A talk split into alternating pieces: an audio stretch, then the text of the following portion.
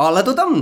Això que us portem avui és una actuació en directe que vam fer a la Universitat Pompeu Fabra el dia 15 de març d'aquest 2022.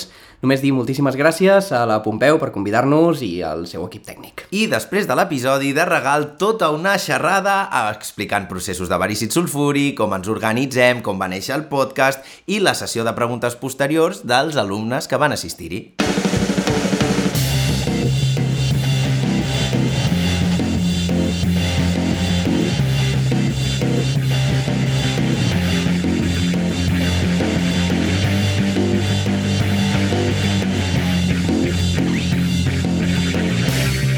Verícid sulfúric.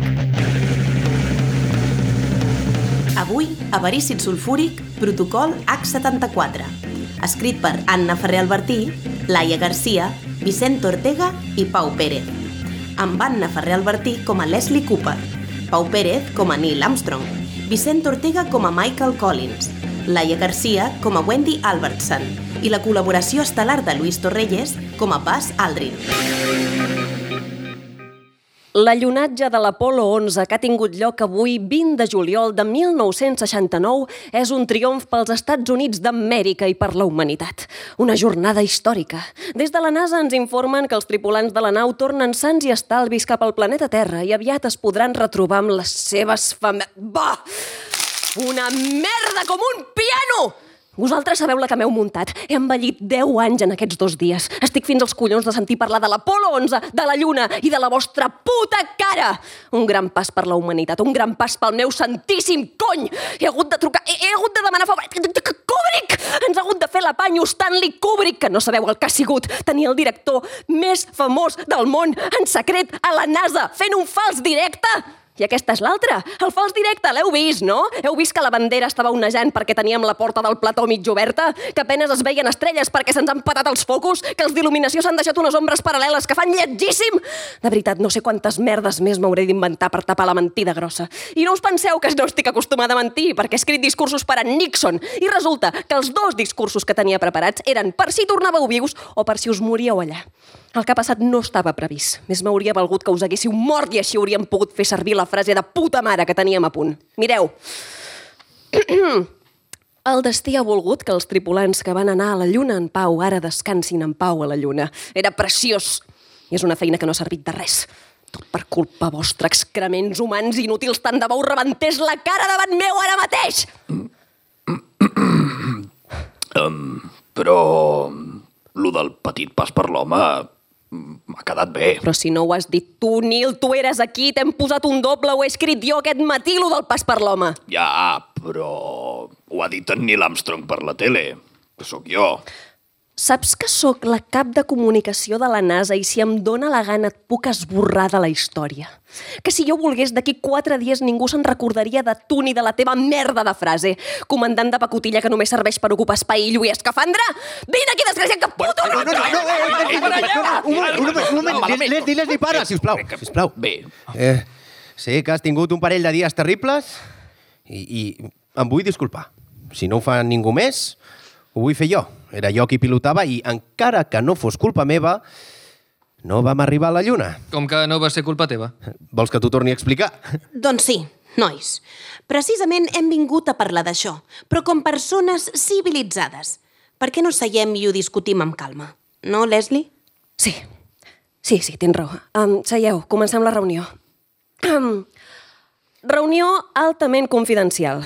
20 de juliol de 1969, quarter general de la NASA. Recordo a tots els presents que qualsevol peça d'informació compartida aquí i ara que surti d'aquesta sala suposarà la persecució i penalització del culpable amb tots els mitjans dels que disposem.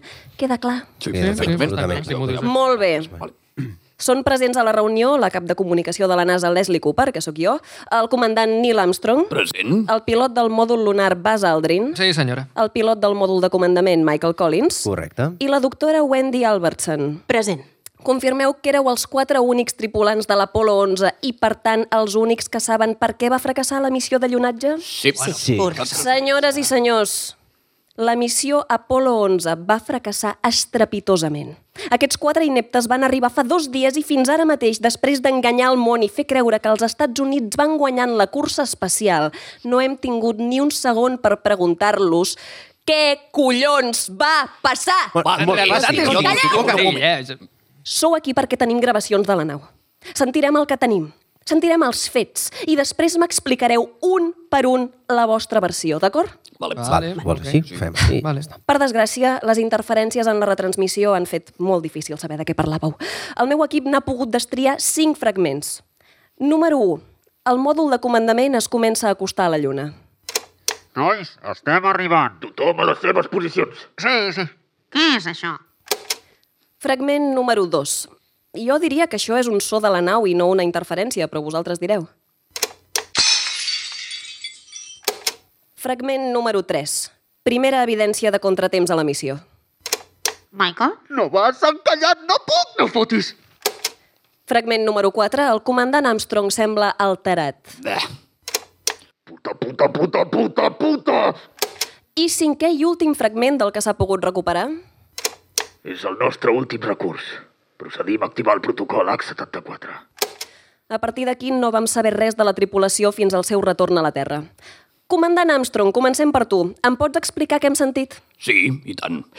Jo estava complint les meves responsabilitats com a comandant fent un discurs molt emotiu per la tripulació. Tot va començar amb un somni i avui és la humanitat qui està somiant amb nosaltres. Magnífic, Meravellós. Nois, estem arribant. Tothom a les seves posicions. Eh, Sí, sí. Què és això? És la lluna, Wendy. És una missió exitosa. Som nosaltres, fent història. Oh, Nil. No ho hauríem pogut fer sense tu. Preparem-nos per entrar en òrbita. Vas, ocupa't del mòdul lunar. Revisa que tot estigui en ordre pel desacoplament. A les teves ordres, Nil. Pel que fa a tu, Wendy, Ai, nois. ja Eh, saps el que has de fer. Nil. Només has de... Nil, ajuda, sisplau. Michael? No vas encallat, no puc. No fotis. Què passa? S'ha encallat el freno. Ai, no, no, no, no, no, sisplau. No em morireu. No, no, No perdeu els estreps, companys. Sóc aquí per vosaltres. Veieu allò? És la lluna. I eh, ens, ens, ens, ens l'estem passant de llarg, ens estem passant de llarg la lluna. Puta, puta, puta, puta, puta! Michael, frena ara mateix! Dic que no puc. Ens estem allunyant massa de l'òrbita lunar, no? Els nivells d'energia estan caient en picat. A aquest pas, la nau! Tranquils. Sé perfectament el que hem de fer. Per això sóc el vostre comandant. És el nostre últim recurs. Procedim a activar el protocol H74.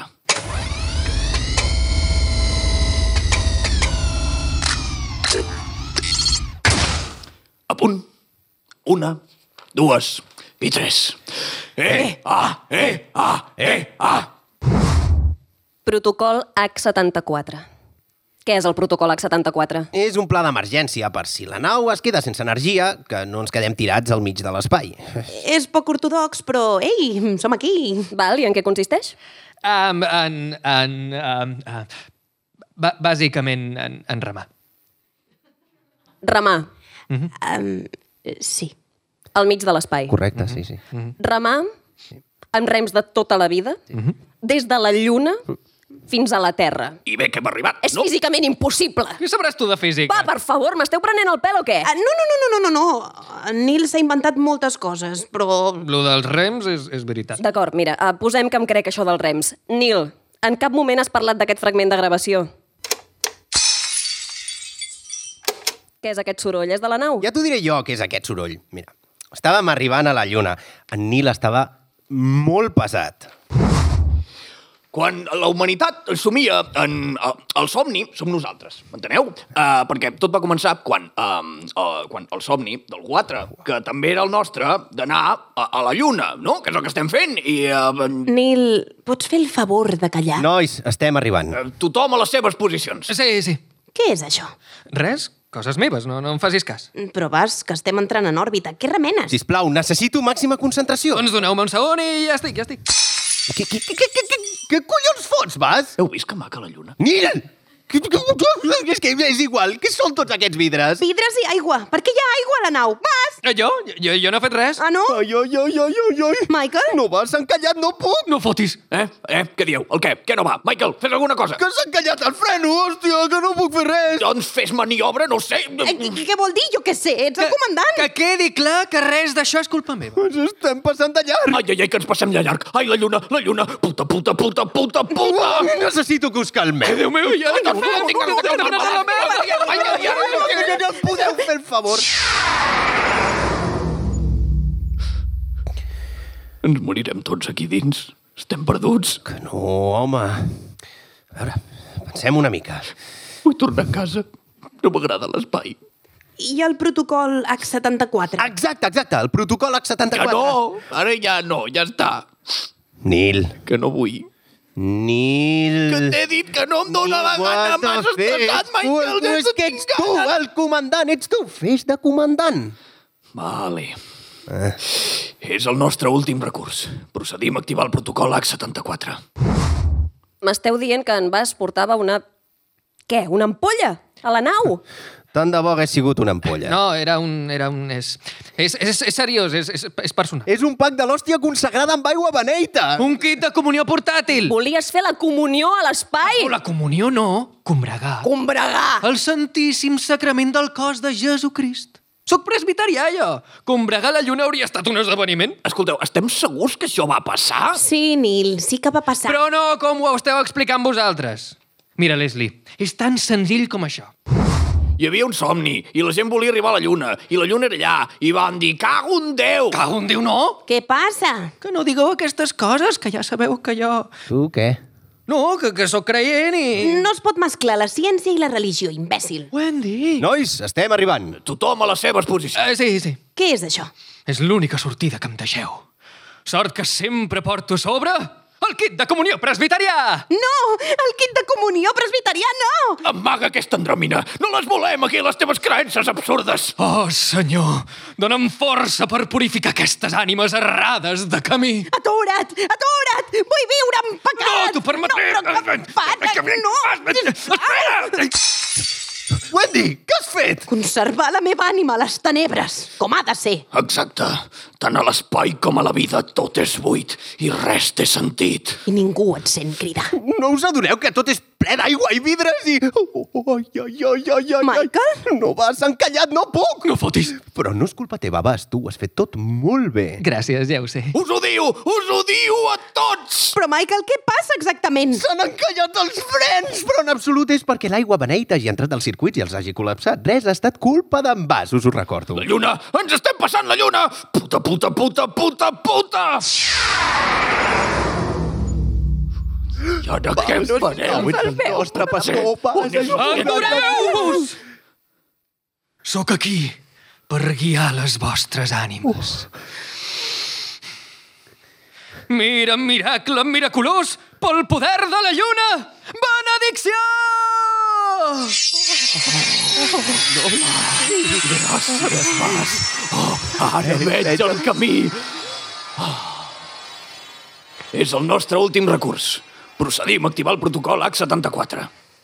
Però què Tio, Bas, què Tio, collons estàs- t'inventes que penses que Eh, bé, bé, bé, bé, Vas. menja'm el xirri. Què? Que no m'ho crec. Però, Leslie, per favor, Wendy, només faltes tu i espero que m'ajudis més que aquests. que estic casat. Et diré la veritat. La veritat que el món ha de saber. Tot va començar quan en Neil... He preparat unes paraules per aquest moment tan emotiu. Un somni... Nois, estem arribant. Tothom a les seves posicions. Sí, sí. Què és això? Res, co coses meves, no, no em facis cas. Però vas, estem entrant en òrbita. És el kit de comunió portàtil? És que em fa gràcia comprar a la lluna. Ho faré quan arribi el moment, no pateixis. Um, Mike, Michael, va, va tot bé? Sí, sí. Uh, gasolina en queda... Uh, Eh, sí, tenim combustible. molt bé. Uh, has activat tot, tot, tot el que havies d'activar, ho has activat tot. Sí, sí, sí. Aquell botó també... Sí, Nil, ja sé pilotar, eh? Aviat haurem de desacoplar, eh? Em vas estar a punt? Ah, sí, vas! Ha arribat el moment! Ah, eh, eh, sí. No, no volia dir això, Bas. Mira què has fet. I jo no he fet res. Ah, no, i tota aquesta aigua? És aigua beneita, no et farà cap mal. Al contrari de fer... No em farà cap mal. Es fotrà els circuits i ja veuràs. Hem d'evitar que... Podeu parar aquí darrere? Necessito màxima concentració. Merda, merda! Michael? No vas, encallat no puc! No fotis. Equip, estem a punt de fer història. Mireu que maca la lluna. És el nostre destí. Sembla que tota la nostra vida hagi... S'està allunyant, s'està la lluna... eh, Ens estem allunyant. Nosaltres? Ai, ai, ai, que ens passem de llarg! Ens estem passant de llarg! Puta, puta, puta, puta, puta! Michael, què fas? S'ha encallat el freno! Però no m'havies dit que estava tot bé! T'he preguntat si estava tot bé i m'has dit que sí! Per què no m'has dit que no estava bé i ara no està bé? No sé si és mal moment, però algú vol combregar amb mi? Esteu veient els nivells d'energia. A aquest pas, la nau... Estem perduts. Ens morirem tots aquí dins. Que no, home. Pensem una mica. Què procedeix en aquests casos, Wendy? Oh, sense cap mena de dubte, el protocol H74. Gràcies a Déu, estem salvats! Nil, fas els honors? Però eh, ens morirem. No. Autoritza el protocol i marxem. Vale. És el nostre últim recurs. Procedim a activar el protocol H74. Val, no sé si és la veritat, però és la versió que decideixo creure. M'esteu tots com una puta regadora, tios. M'alegro que confiïs en mi, Le Leslie. Tan, tan, tan, tan espantat jo no estava. Eh, jo vaig mantenir la calma en tot moment. Només Déu sap la veritat. Tothom ha de saber la veritat. Leslie, això no pot quedar aquí. Oh, tant, que s'hi quedarà. Els Estats Units d'Amèrica sempre han estat una terra oberta, honesta i comprensiva. I el món serà comprensiu amb nosaltres si no ens amaguem de res. Podem estar orgullosos d'haver arribat fins on hem arribat. I això només ens farà millors. Molt bé. M'agraden a mi els discursos macos. molt Wendy. Sí, Leslie? Em pots acompanyar al despatxet? El despatxet? Ja m'ha sentit. A veure, Wendy. Tu no tens gaires diners, oi? Uh, no. Perquè ha arribat a la meva atenció que vas anar a l'espai sense assegurança de vida. Sí, però ja he tornat. Has tornat, Wendy? Eh, Soc aquí. I qui ho sap que ets aquí? Dona, ho hem mantingut en secret, però... Saps quan, quan fa una estona estàvem parlant amb en Nil i li he comentat que el podia esborrar del mapa si em donava la gana? Leslie? He d'evitar que expliquis la teva versió dels fets que tanta il·lusió et fa compartir i ho puc fer com jo vulgui. Puc fer córrer que has mort a la lluna i la teva família no veurà ni un duro de res.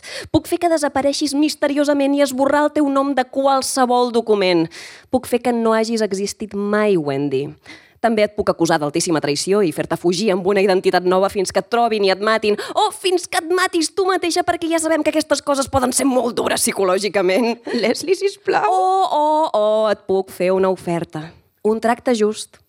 Doctora Wendy Albertson, vostè no ha anat mai a la Lluna. No ha treballat mai a la NASA. Vostè té un petit negoci d'hamburgueses. Com que... a- Hamburgueses? No t'agraden tant els Estats Units i la nostra herència nacional? El gran tresor dels Estats Units és el menjar escombraria. T'ofereixo una cadena de menjar ràpid amb la que podràs alimentar la teva família sense preocupar-te pels diners i fer-ne més i alimentar altra gent. Seràs una gran heroïna americana, Wendy. Leslie, això no està bé. Un menú gran amb refresc i patates. Tracte fet? Bon dia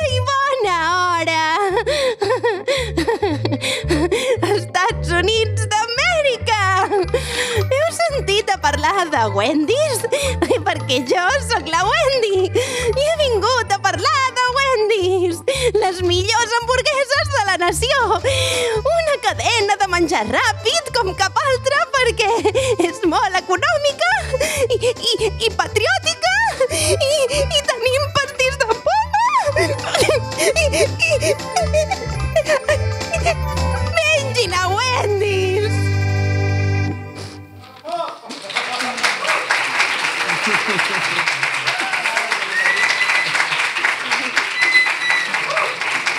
you. I ara passem a explicar d'on surt tota aquesta mandanga. Exacte, sí. Ara, després de fer-vos el, el capítol, us explicarem una mica com surt Verícid Sulfuri, com ens ajuntem, com treballem i, i on fins on hem arribat amb aquests anys i totes aquestes coses.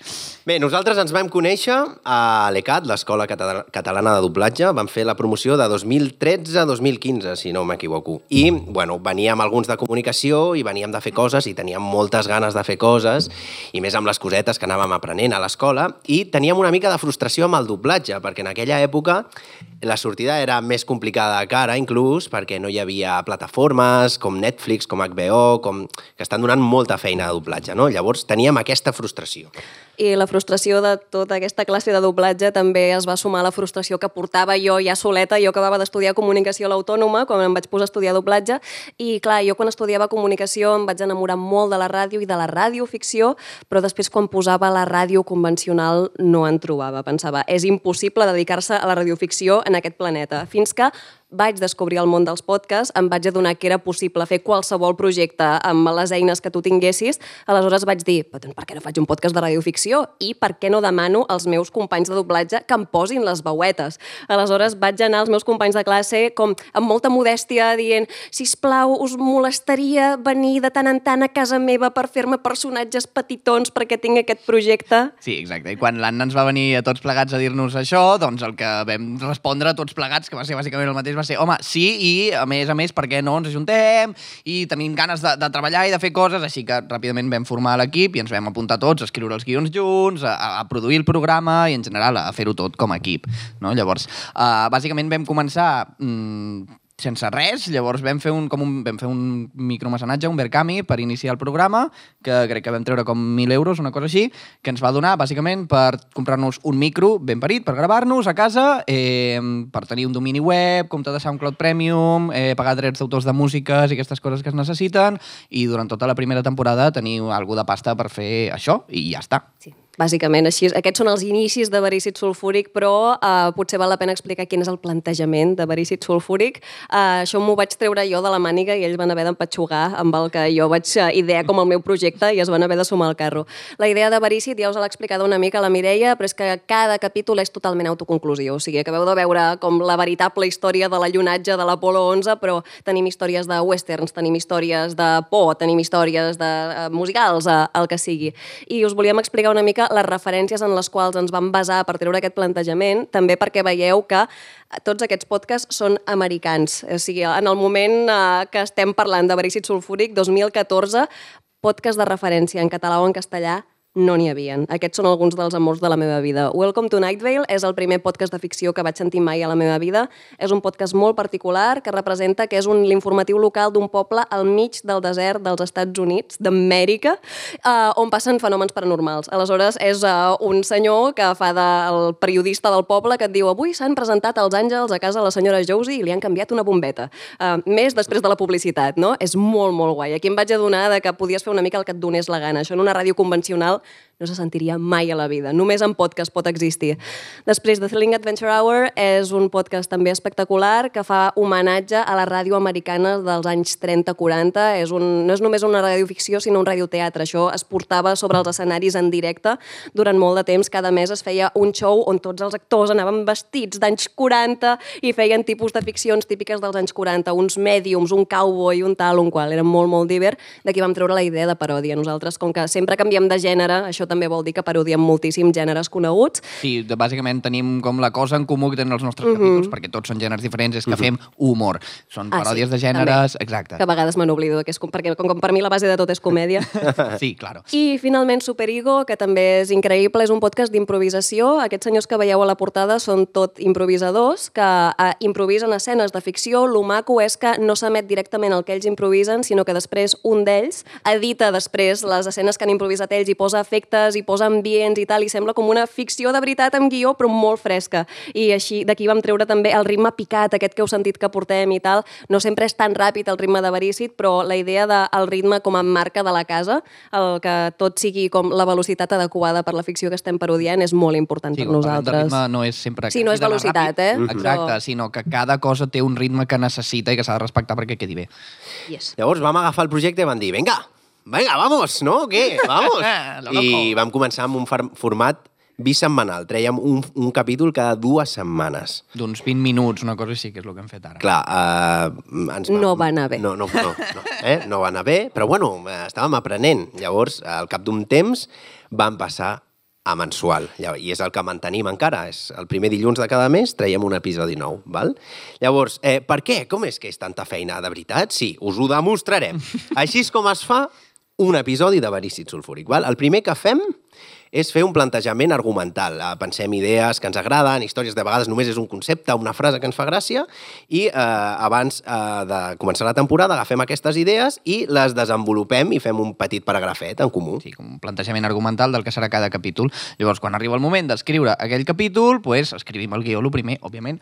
Vale? Eh, us portem un fragment d'un guió nostre, d'aquest d'aquesta temporada, de fet, i és perquè veieu una mica el format que fem servir de guió, Sí. vale? perquè veieu que no és res del que haureu estudiat ni del que us ensenyaran enlloc. eh, bàsicament, per què? Perquè el ser un podcast i el ser nostre, això no ho ha de tocar ningú més que nosaltres i és el que ens funciona i ens va bé a nosaltres, perquè no ho has de passar a cap, eh, a cap jefe, Tècnic ni a cap extern. tècnic, ni a cap res, perquè és per tu i prou. Llavors, fem servir com una espècie de guió literari amb, on tens, bàsicament, doncs, les, això de personatge i inclús hi ha les indicacions pels actors i tal, alhora que també hi ha els efectes sonors, les músiques, eh, també fem servir xorrades de doblatge com lo de l'Atlip, aquí vaig dir una cosa que posa Atlip, Eh, això és com quan hi ha un ambiente de relleno, quan ara aquí el, durant el capítol tots de cop ens posem a fer sí, sí, Sí, sí, tal". que vulguis, sí. Això és, això és un adlib que es diu, que és pues, Ad libitum. Ad libitum. Libre. Llavors, pues, tots els actors graven una frase, s'ajunta tot i queda com un, un, Un rellenito coixinet, allí. un coixinet. Mm. Després ve la fase de producció, que també vol molt de temps. S'han de quadrar dates de tots els actors. Eh, s'ha de dir, si s'ha de convidar algú, com per exemple hem fet amb en Lluís ara, havíem de quadrar també dates. Si hagués hagut de venir a gravar, com va venir en el seu dia, doncs havíem de trobar un dia que ell pogués i nosaltres poguessin. En casa de qui es grava, en casa de l'Anna, en casa meva. Tot això s'ha de planificar perquè surti bé, perquè si no acaba tot una mica titubeoso, no?, si ho fas molt a última hora. Eh, I què més? Sí, Uh, és a dir, produir sí, i quadrar dates no significa eh, trobar-nos tots un dia Tots a la mateixa habitació exacte. a fer això, És perquè que- això no ho fem mai. Vale? La, el procés de gravació és això.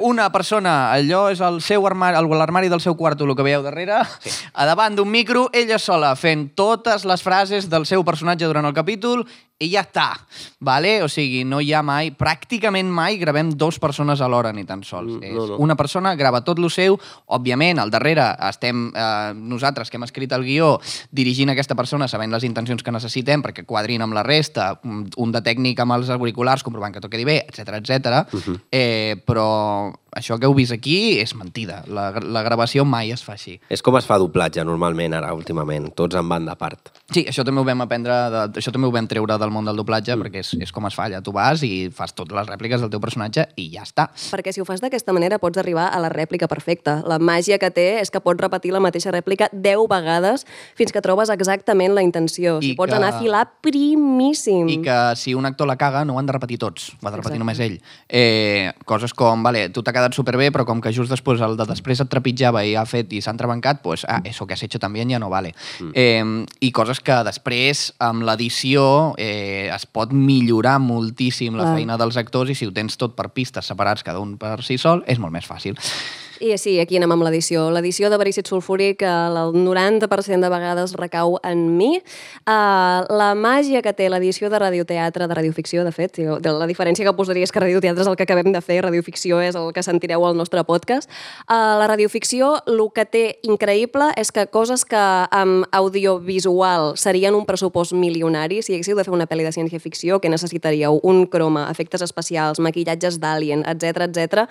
en radioficció amb un parell d'efectes sonors ho tens tot arreglat i contribueix la imaginació dels oients. Quin és l'inconvenient? Que ho has de fabricar tot des de zero. És a dir, no tens, en el nostre cas, ni els diàlegs fets. Ho has d'anar muntant tot peça per peça.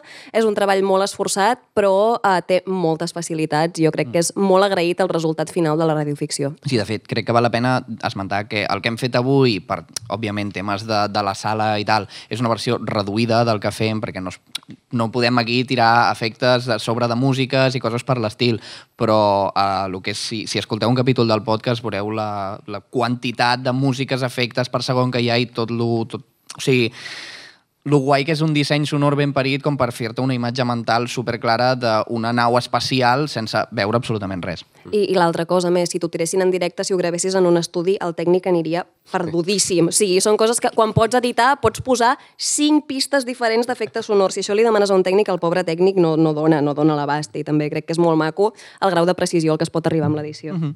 Os traemos unos greatest hits, hits por aquí, ¿eh? Ja està. Ja està, ja L'hem està. perdut, Eh, l'hem perdut. Està loco, està loco.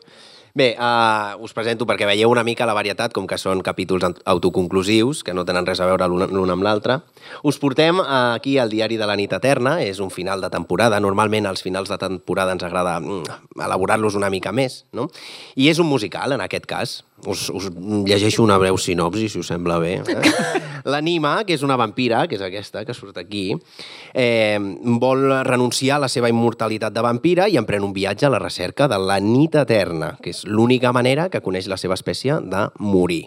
Aquí tenim a la cinquena dimensió, que és fantasia, és un, una espècie de paròdia, un homenatge de la dimensió desconeguda i Faust, i en aquest capítol, Roberta Struck, que és una escriptora infeliç i frustrada amb la seva situació personal i professional, eh, faria qualsevol cosa per aconseguir el seu somni, inclús pactar con el diablo, amigos. Eh, ja sabeu per on va. I per últim, us, trobem, us portem a gènere d'aventures, a la llegenda d'en Robin Hood, la vam adaptar a nosaltres, vam fer un homenatge paròdia i, bueno, el rei Ricard marxa a les croades i el seu germà Joan se aprovecha no? i usurpa el tron i només algú com Robin Hood serà capaç no? de plantar cara als seus impostos abusius i, i robar els rics. En Vicenç ha escrit una sinopsis ell sol i està contentíssim de poder M'agrada molt, m'agrada molt i volia llegir-la. Bueno. És que si no me voy por las ramas i jo que sé, així vaig més concret, saps? Tot això, per fer tot això, òbviament, eh, bueno, com ja heu vist avui, a l'equip de Verícid Sulfúric habitual som nosaltres quatre, eh, nosaltres tres i la Laia, aquí present. Uh, llavors, eh, per fer tot això, doncs, òbviament necessitem més gent i eh, per Verícid Sulfúric hem hagut de buscar col·laboradors de tota mena, ja siguin actors, com ha sigut avui el Lluís, eh, que han passat actors, eh, centenars d'actors, bueno, centenars, potser m'estic passant. Desenes. Han passat desenes, Desenes, desenes, desenes. desenes d'actors que han Dotzenes passat pel programa i actors de doblatge guais i famosos com el, com el, el Luis Posada o el Roger Pera o el Jordi Rollo o jo que sé, gente muy famosa i guai, vale? que mola, que, que han vingut al nostre quarto a gravar les nostres gilipollades de gratis i és, és molt guai quan, quan, quan passen aquestes coses a la vida han hagut de venir a col·laborar amb nosaltres. Abans ens feien portades altres dibuixants, ara l'Anna és il·lustradora i també ens fa portades. Que és la... Sí, però per exemple, tant la mig. cinquena dimensió com el protocòleg 74, les portades són de la Gemma Fontanals, que abans era una de les nostres portadistes habituals. Eh, també ens han vingut a ajudar, doncs, jo que sé, gent que ens ha fet guions específics per nosaltres, eh, temes de tècnics de so, de músics, de, de todo, de todo ens hem, hem tingut. I és guai quan, quan veus que la gent de t'ajuda amb el teu projecte mm, perquè sí, perquè òbviament aquí no ens hi guanyem la vida i no poder, no tenim la pasta per, per estar pagant el que costaria a tota aquesta gent, eh, però amb el bon rotllo i fas coses divers i la gent s'ho passa bé i tal, doncs, mola, mola perquè la gent està molt oberta mm. en general a fer aquestes coses. I bé, si ara fem una mica com un apartat de coses guais no? que han passat arrel de Verícid Sulfúric, una de les coses guais que per vosaltres no deu ser cap sorpresa perquè ens heu conegut fent radioteatre directament és que hem començat a fer espectacles de radioteatre. Clar, nosaltres a la primera temporada fent una ficció editada a casa i fent-ho tot al nostre quarto, no ens imaginàvem que algun dia això es podria portar a escena. És a dir, el radioteatre és una cosa que gairebé no existeix. Vull dir, a, a Catalunya em sembla que som només nosaltres i veus humanes que fem radioteatre com a format. És a dir, que això entre la primera i la segona temporada va sortir el primer espectacle de radioteatre que nosaltres pensàvem que era impossible. Com hi ha públic per radioteatre? No ho sé. Oh, que eteri, que misteriós. Vam haver de fer un espectacle per guanyar diners per finançar la segona temporada perquè ens havíem quedat sense la pasta d'Albert Camus. Vam dir, bueno, doncs fem un espectacle i amb el taquillatge ens servirà per pagar tota la pasta que hem hagut de pagar la primera temporada, doncs una altra vegada. I a partir d'aquí hem anat fent molts directes tant en unis, hem participat en festivals de teatre, en convencions de friquis, d'oci alternatiu, coses així. És a dir, han anat sortint bolos i coses que són molt gratificants. Més enllà de la precisió que pot donar la ficció editada a casa, fer una cosa tan fresca com un directe també és molt, molt guai. Més. Mira, sóc jo, eh, a Catalunya Ràdio, aquest, eh? més oportunitats com, eh, com això, doncs una petita secció a un programa d'estiu de, Catalu de Catalunya Ràdio, que es deia Interferències. Fèiem una secció que es deia L'Hora d'en Zachary, basada en un episodi que vam escriure, que era de ràdio dels 50, no?, americana. Què més hem tingut? Hem, vam fer un espectacle a Catalunya Música, vam fer un episodi gravat a Ràdio Nacional, aquí enfront, amb en Sintoniqui, i, bueno, han anat sortint coses que no esperàvem i, jo, hem rebut amb els braços oberts, no? Sí, de fet, a veure, eh, la, la, la pregunta estrella, no?, que és el tema de la monetització, que això sí que fa, fa anys que ens ho pregunten i amb els anys hem anat contestant coses diferents. Al principi era com, esto es imposible ganarse la vida así. Eh, però clar, això era fa 8 anys. Avui en dia, eh, per sort, i estem super agraïts de que passi això, és que, bueno, ja comença a haver-hi plataformes de podcasting específiques i avui en dia hi ha coses com Podimo... I Podium. Podium, això, i sabia que em deixava alguna cosa que paguen a gent perquè els hi produeixi podcast específicament, saps? Vull dir que no és ja el fet de, bueno, jo me gano la vida si hago un directo, si vendo camisetes, perquè uh, això, inclús als Estats Units hi ha molts podcasts que se sustenten simplement per merchandising i, i sponsors, en plan, i per fer anuncis durant el podcast seu. Llavors, uh, era una mica complicat. Avui en dia és possible la monetització. Nosaltres, personalment, no ens hi guanyem la vida. Um, tots els diners, uh, que no són molts, que fem amb el programa van destinats al propi programa per seguir-lo produint com a companyia. Mm, també una mica perquè volem, eh? No és per, vull dir, mm, hem tingut oportunitats de vendre el programa amb ràdios i amb altres puestos. No les hem volgut agafar perquè personalment creiem que les condicions que ens oferien no ens pagaven, vale? i ja està, simplement. Però... No ens pagaven, no ens compensaven. No, exacte, sí, sí, exacte. Ens volien no nos comprar, pagaven. però no ens No, pagaven. pagaven diners, sí, és clar, d'això va el tema, però eh, no, no, ens, no ens compensava amb el, que, amb el que ens tria, sobretot a nivell de llibertat de produir el programa, perquè és el que deia abans l'Anna, quan va començar Verícid Sulfúric és purament una cosa que no et deixarien fer amb una ràdio, eh, tant, a, tant a nivell de, de... només el nom del programa, tant a nivell de, de temàtiques, de- d'excentricitats, de, ja sigui també de, de, de tacos i borrades que diem, perquè Puta, puta, puta, puta. No, tio. i de, fem capítols experimentals, que això en una ràdio seria Exacte. impossible. Hem fet un capítol que va amb un quadern d'activitats en PDF adjunt, que te el l'has de baixar de Book, nostra tio, web. és l'activity Hem fet book. un capítol que és un workbook i En has de fer deures fet, mentre escoltes fet. el capítol.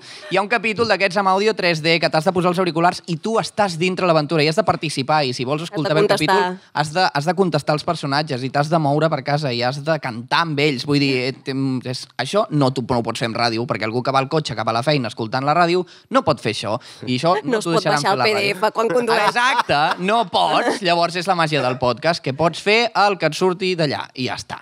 Bueno, però la gràcia... Sí, eh, el poc que ens guanyem nosaltres els diners és eh, amb el Sí, Patreon. ah, no, però hi havia una... Ah. Bueno, sí, jo sí, ara us parlo del Patreon, Vale, vale. abans de res. Uh, sí, tenim un Patreon que ens serveix per sustentar-nos, com veiem no guanyem un pastital, tampoc el promocionem gaire, el No. Patreon. Però El és el que és- Patreon, és això, és sabem que, exacte, sabem que la gent que ens vol donar suport ens posa els seus 5 paveles al mes i ja està, i realment és el que necessitem per anar fent calaix de pagar drets d'autor, de ara, per exemple, col·laboradors del tipus una persona que ens ve a fer fotos en un directe que l'hem contractat a nosaltres, aquest tipus de col·laboració sí que el podem pagar perquè ara tenim els diners per pagar aquestes coses, o la gasolina per anar a un bolo, tota la pesca. Aquest és uh, l'estat actual de la monetització de verícid sulfúric.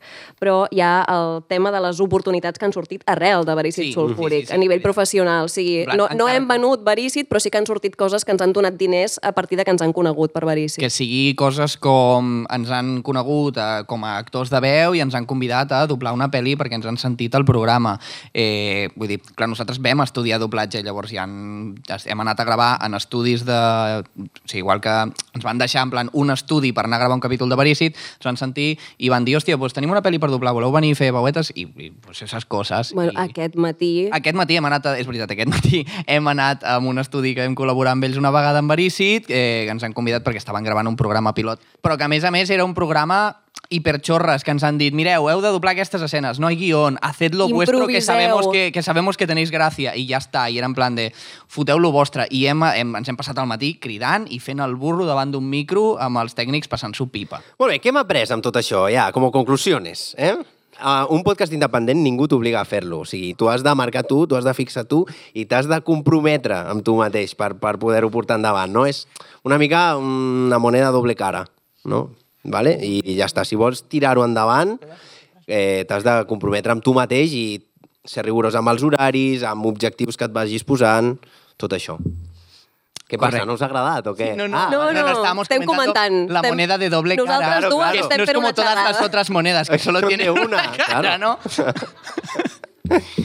Més coses que hem après. Eh, hem après molt a, a, a treure'ns les castanyes del foc. Crisis, així, crisis. Així, de ràpid, perquè passen moltes coses quan fas un programa d'aquests. I sobretot, sí, és el que deia ell, si vols ser rigorós amb els horaris, és una cosa nostra, eh? Nosaltres sempre vam dir, vale, el dia que toca penjar un capítol, s'ha de penjar capítol. I, I ens han passat merdes com, hòstia, és que se'ns han esborrat arxius i has de ràpid agafar rèpliques d'un altre actor, remoure-les una mica, canviar una mica el guió, així encara té sentit, vale, ja està, tira milles. Eh, coses com abans d'un directe que ens falli un actor a dos dies del directe i haver de començar a trucar gent i que la gent comenci ai, jo és que m'he trencat una cama, és que me caso mañana, que se m'ha muerto mi madre, no ho sé. Passen moltes coses de cop, quan tot va malament, tot va malament. I llavors ja eh, arregla't com puguis, però...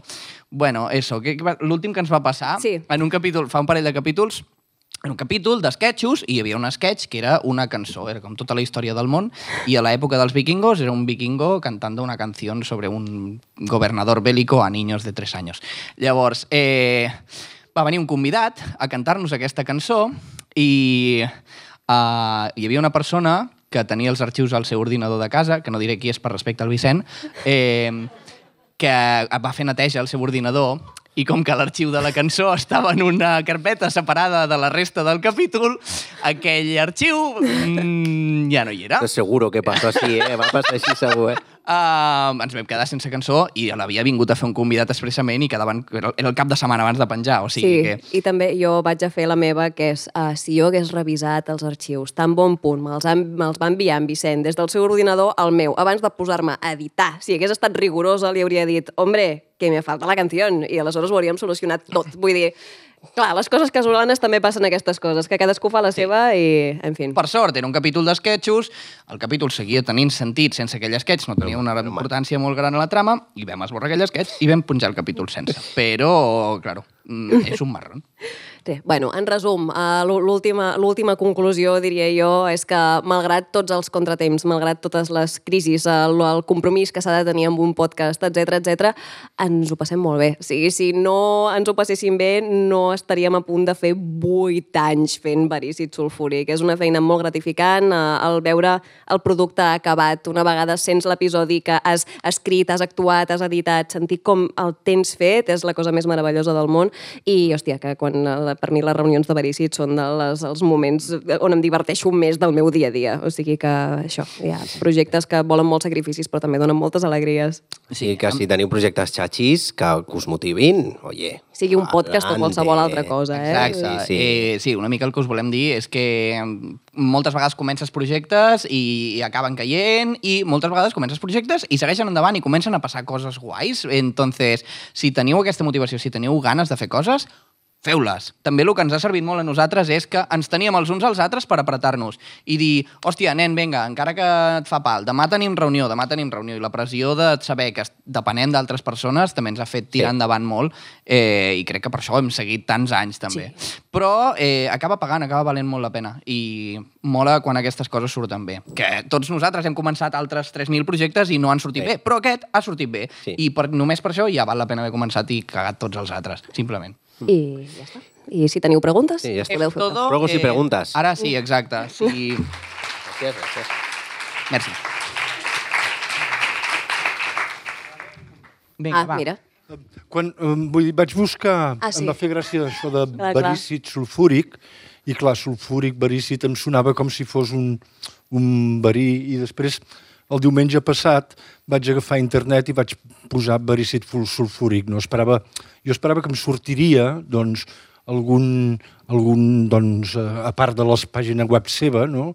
que em sortiria doncs, alguna cosa de química que explicaria doncs, que el verícid sulfúric era una mena de component que no sé què, i en canvi només sortien pàgines i pàgines i pàgines i pàgines del seu podcast. No? Després vaig anar doncs, a pàgines de química no?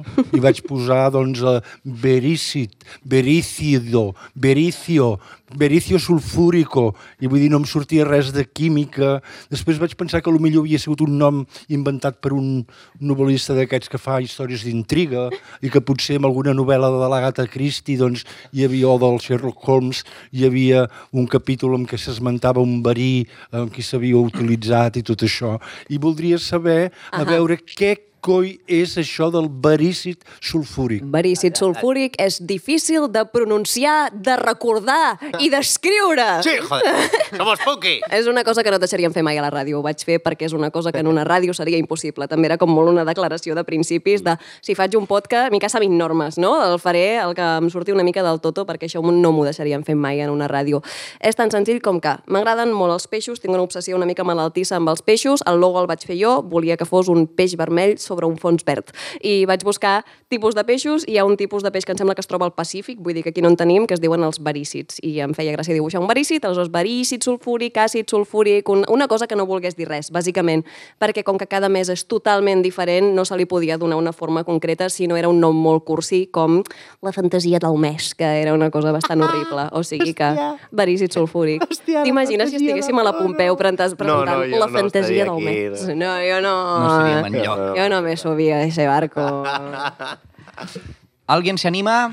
A veure, després de 8 anys, no arriba cap moment on no surt cap història, on dieu, tinc un mes per crear una història, no se'ns acudeix res, en plan, com gestioneu sense acabar cremats tampoc, d'algú que se suposa que fa il·lusió. No, És- el és que, difícil. No, el que passa realment és que se'ns acudeixen moltes coses, però a vegades se'n repeteixen idees que ja hem fet. No se'n repeteixen literalment ar- arguments, però sí que cada vegada costa més el dir ai, per què no fem tal? No, és que tal s'assembla molt al capítol número 3 i ara en portem 78. Aleshores, clar, és, a, a vegades el rebot és una mica difícil. Sí, sí, sí. A veure, no, és, és veritat, eh, el que dius, cada cop costa més. Eh, el que fem nosaltres, tenim com un document de Drive, on tenim, que el tenim compartit, que cada xorrada que se'ns acudeix... Deep web, eh? Una mica a nivell deep web, eh? Algunes i, coses. I ja està. Llavors, com ho fem per organitzar-nos és al principi de la temporada, en plan a l'agost-setembre, ens assentem els tres i diem, vale, hem de fer nou episodis aquesta temporada, perquè fem d'octubre a juny. Dius, vale, eh, comencem a llegir tota la merda que hi ha allà escrita, perquè no té un altre nom,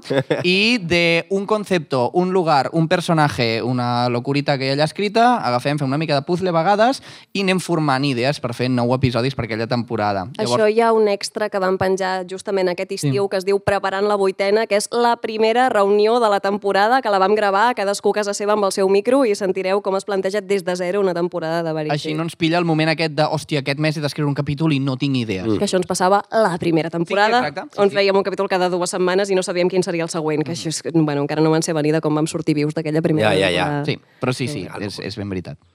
Bueno, nada, que era para preguntaros que con todo esto del tema de la pandemia, cuando, cuando cerraron todos los teatros y bueno, todo, todo el drama, eh, ¿cómo, o sea, no sé, subió más vuestro, vuestra audiencia o cómo lo hiciste? O sea, ¿cómo lo gestionasteis? Porque... Va, clar, hi ha dues qüestions, el cómo lo hicimos i el subió nuestra exacto. audiencia.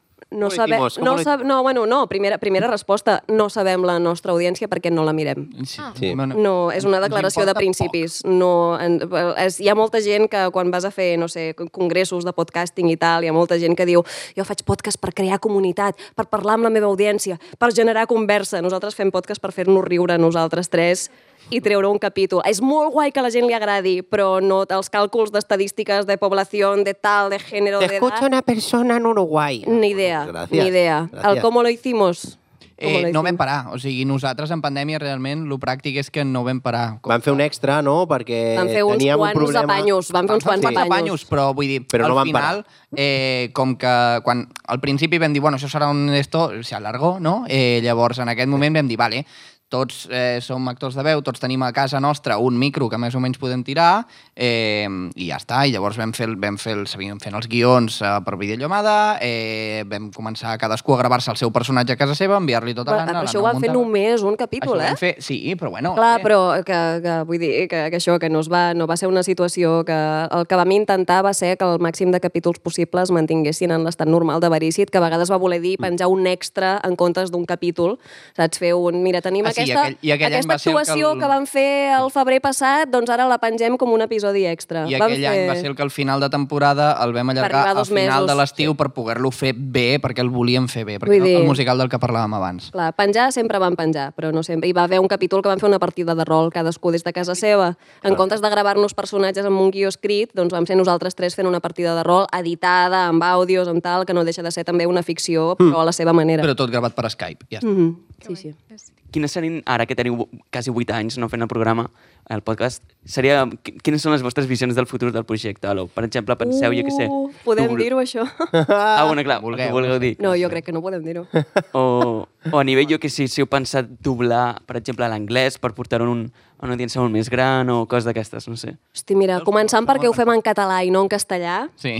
i ho fem en català. El tenim, tenim alguns capítols en castellà, eh? però ho fem en català perquè ens surt de natural pel mateix motiu que no mirem les nostres escoltes, tampoc eh, això. I al principi de tot hi havia gent que ens deia, tio, ¿por qué Sí. esto no lo hacéis en castellano? I jo, Sí. ¿Por qué no? Por- ¿Por qué al no? no. Plans de futur... Mira, bueno, podem dir una cosa que ens hem plantejat que encara no hem començat ni a treballar-hi, que és, a més a més de Verícit, potser intentar vendre un projecte en paral·lel a aquestes plataformes que sí que compren projecte. Però clar, hi ha plataformes com Podimo que millor compren uh, 12 capítols d'un podcast, o 8 capítols d'un podcast. Et fan un encàrrec, et donen un preu i un calendari. Aleshores, no seria vendre Verícit, sinó seria com dels creadors de Verícit Sulfúric tal cosa. Això sí que suposaria un rendiment econòmic per totes les persones que hi participessin, perquè hi hauria un pressupost que vindria de Podimo mm. o de qualsevol altra productora, el que sigui, etc. Però clar, això també vol molta feina de preparació, sí. de venda, de... És veritat que el que és verícid sulfúric com a programa eh, no ho volem tocar perquè és això, vull dir, són, és una cosa que ja porta molt de temps, que té el seu format molt específic, eh, que, bueno, això, que cada història és un món diferent, llavors no té tota la... d'això que demana molta gent de l'enganxe, de la continuïtat, d'empatitzar amb el personatge i evolucionar amb ell i totes aquestes coses. Això no ho té verícid, perquè tu escoltes el capítol 1 i el capítol 70 just després i t'és igual. Llavors, mm, verícid ens agrada molt pel que és i pel que significa, però sí que ens hem plantejat el crear projectes en paral·lel eh, de que sigui doncs, verícid sulfúric fa altres coses. I llavors sí, vendre un programa de 12 capítols amb continuïtat i tal, sí, ens ho estem plantejant. Eh, una pregunta. A veure. Llavors, les persones que convideu són sempre famosilles, perquè no. imagineu-vos fer com convidar una persona que està a aquesta sala per fer un programa un dia. Uau! Us ho he, us ho he plantejat alguna vegada? Uh. Yeah. És per reflexionar. No, no, sem no sempre són famosilles, eh? Vull dir, no sempre que demanem... De fet, els últims col·laboradors que hem tingut, abans anàvem molt apuntant a actors de doblatge de primera línia, um, ara ens hem adonat que moltes vegades és molt més pràctic per tothom que siguin col·legues del mundillo. Sí que està bé tenir el no, hòstia, Luis Posada en el paper de el xèrif del western, està molt bé, però també és més difícil accedir a Luis Posada, tens més pressió de, hòstia, el capítol que vingui en Luis Posada, que quedi bé, per l'amor de Déu, perquè sabem que vindrà gent que ens escoltarà per primera vegada quan el tinguem a ell de convidat i no volem fer el ridícul i també, bueno, és, estableixes col·laboracions diferents. Si ve un col·lega, saps que pot venir cinc vegades més si li agrada el que fas, si ben posada. Bueno, avui ens ha donat records. O sigui... ens ha donat records. Ah, que bé. Sí, sí. Sí, sí. Però sí, sempre estem oberts per, Sí, no, per i de cert, fet hi ha, eh? hi ha penya Sí, hi ha que gent que ens envia mostres, Hi ha eh? gent que ens diu, oye, pues yo soy actor de voz y tengo tal, i ens envien les seves mostres de veu i tal, i tenim un, un plan banc guardat de, oye, gente que quiere colaborar con nosotros, perquè en general hi ha capítols que tenim 30 personatges i no damos al abasto, saps? Vull dir, no conocemos tan, no tenemos tantos No amigos. conocemos a nos tanta gente. Llavors... 30 persones? El, el que sí que m'interessava molt és el que heu parlat de la monetització, que de fet us anava a preguntar i per sort ja heu dit no, no, no, ja, ja ens han preguntat molts cops i aquí tenim la resposta. Pensava molt en buah, els problemes de monetitzar el, el, el producte i com els joves creu, o sigui, pensen, pensem que això pot ser una via per, per guanyar diners, però després l'altre dia una, una xerrada aquí també amb, amb la, la gent de Primavera Sound eh, plantejaven la, la cosa de és que potser no fa falta que sigui monetitzable. Mm. Eh, Gràcies a Déu. Sí, i com, i com una mica el, el tema de, de, de poder fer art eh, lliure d'aquestes pressions que també comentàveu a, a mitjans convencionals.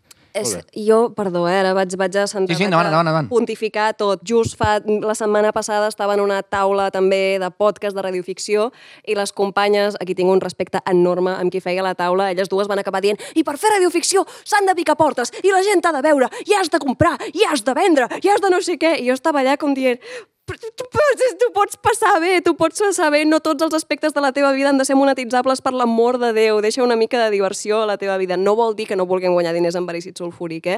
Però que a vegades també veiem com posts d'aquests de motius pels quals el teu podcast encara no està sent monetitzat. Quins errors estàs cometent? Bueno, potser l'error que estic cometent és que m'ho passo bé, no ho sé.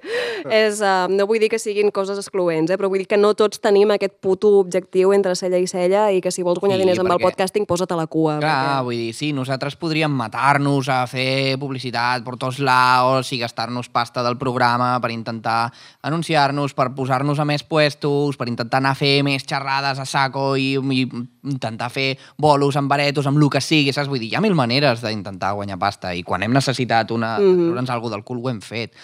Però eh, és que crema molt fer això. és que crema moltíssim intentar guanyar pasta amb algú que de base no en dona. Llavors, per això una mica també hem passat, perquè és que el que volem és crear contingut guai, o sigui, contingut que nosaltres almenys considerem de qualitat. Llavors, és el tema de... Ja ens dediquem moltíssimes hores uh, en fer això bé, eh, perdríem molta qualitat de programa si intentéssim vendre algun puesto perquè no tenim tantes hores, vull dir, tot això ho fem amb el nostre temps lliure. La, la gràcia és que tots nosaltres també tenim feines, o estudiem, o fem altres coses. Llavors, fer tot això, mm, si ens paguessin un sou, clar, nosaltres fotríem 8 hores cada dia de dir, i, i trauríem un capítol d'aquests cada setmana, eh, però, però no seria el mateix, ni de conya. Què anava a dir? Que abans estàveu parlant d'això de que no us centràveu en la gent que us mirava i tot això, però en fets com el que rebeu moltes respostes d'això del concurs Mhm. o seguidors o tot això, és com algo que se us és inevitable saber com, com, com us està rebent la població, no? Llavors, que dèieu que, que ho intentàveu evitar, però és inevitable. Llavors, vosaltres Ja, com ho veu? no, no. O sigui, el que evitem és mirar el puto número d'escoltes. Vull dir, el número d'escoltes és una dada que tenim nosaltres en privat a SoundCloud i que no obrim mai. Ara, a nosaltres ens fa moltíssima No, il·lusió clar, quan descomptat. ens ve gent encantada amb el programa, quan ens diu que ens escolten, quan ens arriben els textos... Sí, sí, hi ha coses inevitables, però coses com això. El que tothom et pregunta quantes escoltes tens de mitjana és que és una resposta que no podem donar perquè no la mirem. No perquè no la tinguem, sinó perquè no... I No. perquè després l'has de donar, saps? I és que és un número que nosaltres no considerem sí, hi ha la especialment cosa aquesta important. de, però tu quanta gent t'escolta? I la referència que tenim d'escoltes per podcast uh, no és la mateixa referència que podem tenir de YouTube o de- d'altres d'altres coses que poden semblar semblants però que no tenen res a veure, aleshores. No hi havia un bracet per aquí? no fos cas que en la Mireia no es quedés l'última que té ganes. Ah, vale. No, uh, els tres sou de comunicació, no? Dit? Jo no. Tu no. bueno, és, és igual. Uh, és perquè molts cops, també ens ha passat els que hem estudiat comunicació ja fa molts més anys, uh, sents, i segur que a ells també els passa, que és una carrera, que fas molt de top o no fas res, que per què serveix... No? És com un tòpic que repeteix des de temps immemorials, no? Llavors, uh, una mica uh, per intentar mm, doncs, animar-los, espero, uh, era uh, del que us van ensenyar a la carrera, de, de, no només de com fer ràdio, que també, evidentment, uh, si creieu que com a base us va servir o no, si hi ha coses que encara arrossegueu d'aquell moment, o heu fet eh, totalment una neteja perquè heu après molt més eh, coses sobre el camí que us han fet canviar patrons que portàveu des d'aquell moment, però una mica, doncs això, aquesta carrera que és tan de tastaulletes i que molts cops desorienta a qui l'està estudiant, eh, que en feu la vostra lectura 8 o 10 anys després de- d'haver acabat i amb tota la trajectòria que porteu a l'esquena. Jo estic perdudament enamorada de comunicació audiovisual com a carrera. A mi em sembla que la grandesa que té comunicació és que precisament que és una carrera de tastaulletes, que saps fer moltíssimes coses. Després, si et vols especialitzar, ja t'especialitzaràs en el teu. A mi no em van ensenyar a fer podcast en el seu moment. Ja ho he trobat jo mateixa. Si no m'haguessin donat les eines per fer ràdio i per fer ficció a la carrera, no hauria acabat fent el que estic fent a dia d'avui. És més, jo hi ha feines que hi he entrat només perquè estaven buscant un perfil que hagués estudiat comunicació audiovisual, que sapigués de ràdio, de tele, de cine, de foto. Vull dir, no calia ser el màxim especialista en res, però sí tenir moltes coses controlades. A mi, comunicació m'ha obert portes que no m'hauria obert cap altra carrera i crec que la grandesa és que ser estudiant de comunicació audiovisual és ser estudiant de creació, no? T'ensenyen a crear. Jo, a la meva promoció hi havia molta gent que es queixava de no estem tocant una puta càmera i és com, bueno, però és que t'estan ensenyant a fer un plano, no? Per què serveix el plano que estàs fent amb la càmera? No, no, si vols ser tècnic d'operador de càmera, vés a fer una formació professional. Això és com ho veia jo. I, clar, jo vaig sortir molt contenta de la carrera perquè jo també m'hi vaig trobar una mica per sorpresa i em va encantar. No sé com ho veus tu. No, no, jo estic mm, molt d'acord amb tu. A mi, al final, vaig descobrir el doblatge a la carrera, tot i que no va ser per, per gent que estava interessada en el doblatge, estava estudiant aquella carrera, no hi havia res específic de doblatge, però allà clar, allà vaig començar a descobrir el que m'agradava, fent un programa de ràdio que fèiem, ja començava a fer veuetes, ja començava a interessar-me en fer els guions i tot això, i ja em vaig encaminar una mica amb el que m'agradava. Llavors, el doblatge el vaig descobrir allà. Després ja em vaig focalitzar en el doblatge, però també he descobert moltes coses i em podria haver dedicat a moltes altres coses que també m'agradaven igual, amb la ràdio i això, però bueno, al final doblaje a tope i ja està. Mm -hmm. Laia, tu també has fet comunicació. No, a veure, jo vaig fer comunicació i encara penso, per què vaig fer comunicació? Però, però sí que és veritat, també perquè, bueno, no sé, era com que tenia el cap, ah, sí, he de fer una carrera, he de fer no sé què, he de fer... I mira, vaig fer la carrera, em vaig posar en una productora a treballar i dije, ah, esto no és lo mío. Llavors, no, i... però em va anar bé també, perquè és això, vaig tocar molts pals i, i coses que, jo que sé, pues, que ara em serveixen per altres feines que tinc, no? Pues, jo que sé, mis... Jo que sé, me monto mis vídeos, eh? saps? Em, em puc gravar a casa, amb coses així. Vull dir, no... Que, que si no ho hagués estudiat, pues, segurament em costaria el meu temps i no d'això. Llavors, jo em vaig adonar tard que era una cosa que no volia fer. Però això no vol dir que no hagi après moltes coses i que m'hagin servit. Hi ha alguna altra mà o ens anem tots ja, cap a casa, a sopar? Sí, l'Albert Molt, de dalt. Moltíssimes gràcies. I el Jordi Martí, també, que estava per aquí. I gràcies a vosaltres per venir, pel A vostre vosaltres temps. per convidar-nos. I per seguir regalant-nos capítols un cop al mes. Ja sabeu, teniu molta feina. Si no els havíeu escoltat fins ara, teniu 8 anys de podcast per Sí, recuperar. però no són, com que és un cop al mes, no són tants capítols. Són, a veure, quasi 80. Són 70 i pico. Però són de 20 però són minuts. Jo he sentit uh, 400 episodis d'un podcast de dues sí hores. sí. No, no, jo, i- Però és que jo estic 24 hores al dia escoltant podcast, eh? jo estic molt malalta. Però bueno, es pot fer, es pot fer. però que... L'any que ve els hi surt una competència al Oh, Tant de bo! Eh, no, no, això el primer any que vam anar a l'Autònom ens va passar, eh, que va sortir un podcast arrel de la nostra xerrada a l'Autònoma i va ser màgic. I vam ser com, vam ser com uns padrins molt contents d'aquest podcast. Que sí. Sí. Luego. Doncs gràcies a tots. Merci. Moltes gràcies per venir, Per haver-nos preguntat i tot. Gràcies per escoltar Verícid Sulfúric. Pots trobar totes les novetats a Instagram, Facebook i Twitter sota el nom Verícid Sulfúric. A més, recorda que pots donar-nos suport a patreon.com barra Verícid Sulfúric.